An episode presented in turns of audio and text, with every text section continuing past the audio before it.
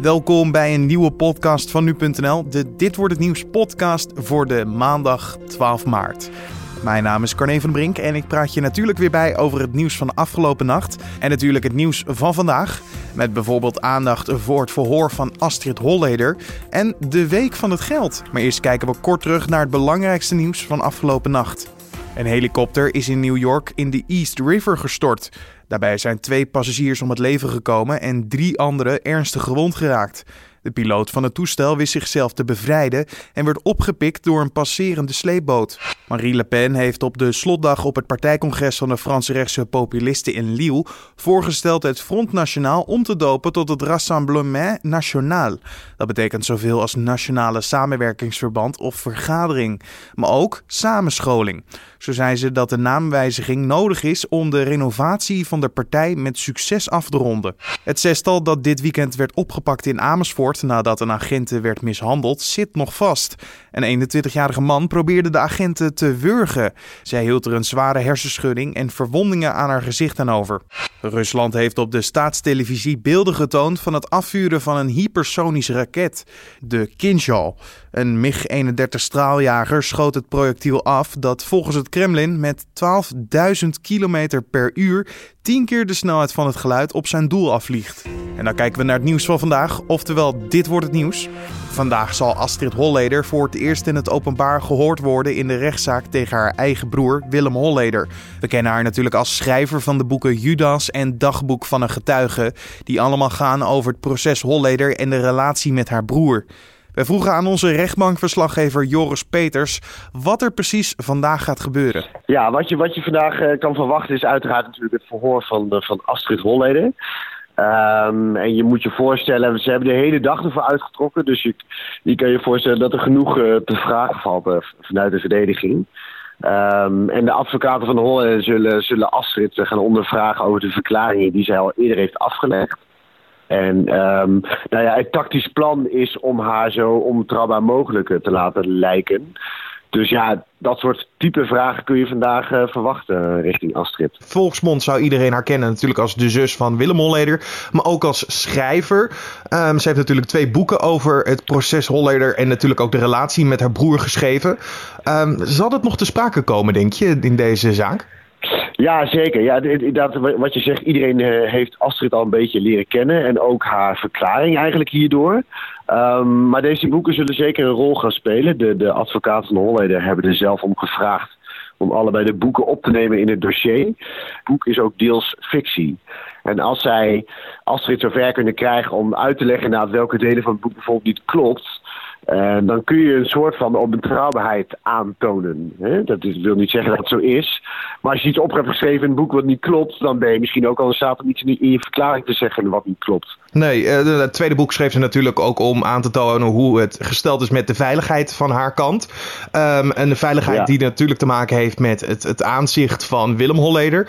Um, ja, mm -hmm. vandaag uh, zal ze dus ook in de ogen komen van haar broer. Dat is zo en hoe zal dat zijn? Uh, nou ja, dat is eigenlijk dus niet zo. Kijk, dat uh, vroeg ik me dus al af. uh, want zoals met Sonja, die advocaat Willem Jebbink heeft namens de zussen en namens Sandra en Hartog, de drie vrouwelijke getuigen, gevraagd of zij Hollander niet in de ogen hoeven aan te kijken. Sterker nog, zij wilde eigenlijk in beslotenheid getuigen en niet met publiek en pers erbij. Maar dat is, dat is afgewezen. maar de rechtbank heeft wel toegewezen dat zij hun broer niet in de ogen hoeven aan te kijken. En dat heeft vooral uh, te maken met de intimiderende werking die van Hollande uit zou kunnen gaan. Uh, en de rechtbank heeft daarmee ingestemd. Dus zij zei, zullen elkaar niet in de ogen aankijken. Nee, maar dat heeft, niet, dat heeft gevolgen dan op het feit dat Willem Holleder geen druk kan opoefenen op, op Astrid in de vorm van communicatie, visueel. Maar heeft dat nog andere gevolgen voor, het, voor de dag?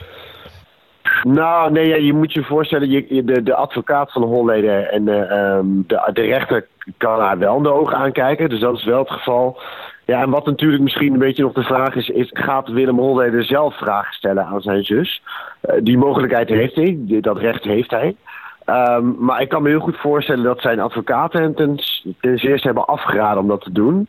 En je moet je, je moet, jij, waarom dat is, is dat omdat zij bang zijn als dit een te emotioneel verhaal wordt tussen die twee. En dat hij mogelijk kwaad wordt. dan kun je dan kun je, je voorstellen dat dit slecht is voor je, voor je eigen verdediging. Hè? Want ze willen juist het beeld laten zien van Willem Holleder als een familieman. En dan kun je niet een, een tierende broer hebben die zijn zus ehm, nee. aanvalt. En dit deed hij ook niet tijdens het voor van Sonja? Of deed hij dat toen wel vragen stellen? Nee, dat deed hij niet. Maar toen zag je al aan zijn houding en aan zijn vingers draaien en schudden met zijn hoofd... dat hij dat wel heel graag wilde omdat hij natuurlijk het verhaal aanhoort wat volgens hem niet klopt. Uh, toen moest hij zich overduidelijk inhouden. En het grote verschil is ook nu... Sonja was nog zijn lievelingszusje, zoals hij dat zelf heeft omschreven. Maar nu is het Astrid. Uh, en die heeft hij omschreven als de kwade genius. De, de, de, de vrouw waardoor hij hier nu zit en zich moet verantwoorden voor uh, verschillende liquidaties. Ja. We zijn al een tijdje in het proces verder. hoe gaan de verdere dagen eruit zien? Nou, vandaag is dag 1. Uh, vrijdag volgt er weer een verhoor. En de week daarna op vrijdag wederom een verhoor van Astrid. Um, dat is de planning voorlopig. Um, maar dat kan altijd veranderen. Bijvoorbeeld Sonja, het verhoor van Sonja Holleder is uh, afgebroken omdat er uitleg moest komen over uh, welke afspraken zij heeft gemaakt met het Openbaar Ministerie over het wel of niet kunnen verklaren over de criminele erfenis van haar uh, man Cor van Hout. Um, ja, mocht dat in één keer ter sprake komen en willen ze Sonja bijvoorbeeld eerder horen, dat kan altijd. Maar voorlopig uh, is dit uh, de planning. Je hoorde onze rechtbankverslaggever Joris Peters. En vandaag kan je natuurlijk ook weer een live blog vinden op onze site en app. Jong geleerd is oud gedaan. En dat met geld. Dat zou een ideale combinatie zijn. Daarom is deze week voor de achtste keer de Week van het Geld. De Week van het Geld helpt basisscholieren zich voor te bereiden op financiële zelfstandigheid. Alleen wij waren benieuwd naar het belang van deze week in 2018. Daarom belden we met Olaf Simonsen van Wijzer in Geldzaken en we stelden hem de vraag waarom het nou zo belangrijk is voor kinderen. Het is heel belangrijk dat kinderen op jonge leeftijd leren omgaan met geld omdat uh, ja, uh, als volwassenen moeten ze heel veel financiële beslissingen nemen. En trouwens ook al als jongeren. Zodra ze naar de middelbare school gaan, dan uh, krijgen ze een baantje. Ze willen een scooter kopen of ze krijgen kleedgeld. Dus al vanaf jonge leeftijd zijn kinderen met geld bezig. Het is belangrijk om dat vanaf jonge leeftijd te leren hoe je dat nou goed doet. Ja, ja en dit is de achtste editie uit mijn hoofd. Het ja. is een, een, een, belangrijke week natuurlijk voor kinderen, voor ja. iedereen eromheen, om bewuster te worden. hoe wordt deze week eigenlijk aangepakt? Wat, wat zijn er bijvoorbeeld de dingen die jullie gaan doen? Nou, wat we vooral doen is uh, op school aandacht geven aan het thema leren omgaan met geld. Op een leuke manier. Uh, bijvoorbeeld met uh, gastlessen. Er zijn heel veel mensen vanuit de bank of vanuit de gemeente of vanuit de verzekeraars die een gastles komen geven op school. Maar sommige uh, of een heleboel uh, leraren geven ook zelf les over omgaan met geld in de week van het geld.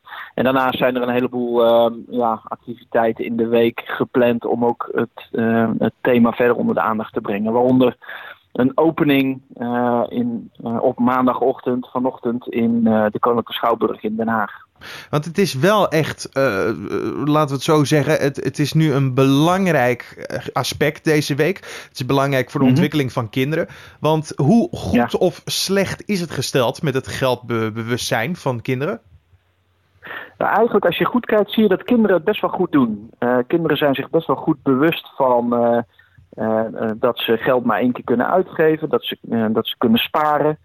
Uh, waar je ziet dat het vaak misgaat is uh, zeg maar als, uh, als ze wat ouder worden, als ze 14, 15, 16, 17 worden, dan ontstaan vaak de eerste problemen. Dan gaan ze geld lenen van elkaar of van, van anderen om dingen te kopen die ze graag willen hebben. Er komt natuurlijk heel veel um, invloed van reclame en van leeftijdsgenootjes bij op die leeftijd. En ze krijgen ook meer geld te besteden, vaak omdat ze uh, baantjes hebben. Dus dan zie je dat de problemen gaan ontstaan. Um, maar kinderen uh, op jonge leeftijd die doen het eigenlijk best uh, netjes. Ja, want ik las inderdaad een onderzoek die jullie hadden gemaakt. Ook dat ze best wel beïnvloedbaar waren. Jij zei net al door ja. media, door vloggen van ja. mensen. Ze zien ja, iets wat heel tof is door anderen gevonden. Ja, en dat moet je natuurlijk ook hebben. Ja, dat klopt. En het is natuurlijk ook wel lastig, uh, omdat uh, dit zijn ook dingen die ze niet zo goed van hun ouders kunnen leren. Want uh, nou, toen ik zelf jong was, toen bestond het fenomeen vloggen nog helemaal niet. Dus ja, het is best wel lastig voor kinderen. Ze, ze, staan aan allerlei invloeden bloot, zonder dat ze zichzelf dat bewust zijn. En vloggen, maar ook op internet is natuurlijk allerlei zichtbare en onzichtbare reclame. En onderweg naar school kom je langs borden en verleidingen. En inderdaad, de invloed van leeftijdsgenoten is ook heel groot. Ja, maar hoe denk jij dan dat die, uh, ja, die, die gevaren van de verleiding van het uitgeven van geld. Niet dat ik mhm. een heel uh, engeltje ben in dit geval. Maar uh, hoe, hoe, kan je, hoe kan je dat nou het beste ja, beweren? Hoe kan je dat dat je zorgt van nou, dat je de hand op de knip houdt, om zo maar oud-Hollands te, te zeggen? Ja, uh, door uh, op jonge leeftijd ook kinderen te laten inzien hoe dat bij hen werkt. het nou, met elkaar over te hebben. Ze. ja, maar, maar, dat vind ik interessant. Ja. Want je zegt net wel, ja, dat, dat, dat vind ik het interessant hieraan. Hè? Dus je moet het erover ja. hebben. Alleen ehm, het is ook wel het feit dat je bijvoorbeeld waar ze het uit vloggen halen, uit media-uitingen, die wij misschien niet meer snappen. Dat is toch wel lastig om het nee. daar dan over te hebben. Het is een beetje een, een visuele nou, ja, cirkel. Daarom zeg ik ook dat ze het er vooral met elkaar over moeten hebben. Want het is inderdaad, oké, een docent staat voor de klas. Ouders spelen trouwens ook een belangrijke rol. Uh, maar uh, ja, laat kinderen met elkaar maar eens hebben over uh, ja, wat, wat zet, zegt deze vlogger hier en wat bedoelt hij daarmee. En ja, welke invloed zien we allemaal van reclame. Dus ze kunnen ook elkaar daar heel goed in scherp houden. Nou, ik heb nog één vraag voor je. En die vraag, dat kan je zien als een advocaat van de duivel vraag. geld natuurlijk ja. super belangrijk. Um, het uitgeven ervan, het, het, bewustzijn ervan, heel belangrijk. Um, maar ja, geld verandert ook in 2018. Dus krijgen ja. ze al bewuste les over cryptocurrency of is dat nog niet aan de orde? Nee, dat is nog niet aan de orde. Uh, laat staan, nou, nou, in de eerste plaats uh, denk ik dat heel veel volwassenen nog niet eens snappen wat een cryptocurrency is. Uh, mocht dat ooit een, een, echt een betaalmiddel worden, dan zullen we natuurlijk kijken of we dat ook in de lessen gaan meenemen. Op dit moment gaat het daar nog niet over. Gaat het ook over veel meer basale dingen als ja, wat is geld eigenlijk en wat kun je ermee en uh, hoe vaak kun je het uitgeven. Maar je ziet wel even los van crypto dat uh, digitalisering natuurlijk een grote rol speelt. Heel veel betalingen vinden al per uh, plastic plaats. En dat, uh, daar hebben we wel aandacht voor in de lessen. Dat, wat betekent het nou om met een bankpas te betalen? Hoe, hoe werkt dat en wat is het verschil met uh, contant geld? Je hoorde Olaf Simonsen van Wijzer in Geldzaken. En dit gebeurt er verder vandaag nog. Burgemeester van Groningen Peter den Oudsten en commissaris van de Koning René Paas presenteren vandaag de route en het programma van Koningsdag 2018. Koningspaar zal op 27 april Koningsdag in Groningen vieren. Mogelijk zal een groot onderwerp de gaswinning worden. En die zal daarom ook een plekje mogelijk in het programma krijgen. En dan kijken we waar onze collega's vandaag over schrijven. De vergrijzing begint stevig toe te slaan in de zorg. Dit jaar moeten zorgorganisaties mensen vinden voor 120.000 tot 130.000 vacatures.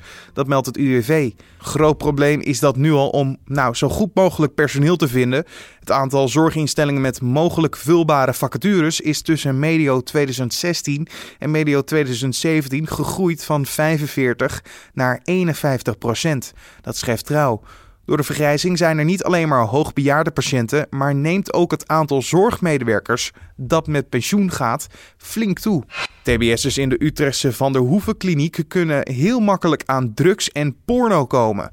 Dat blijkt uit onderzoek van het AD.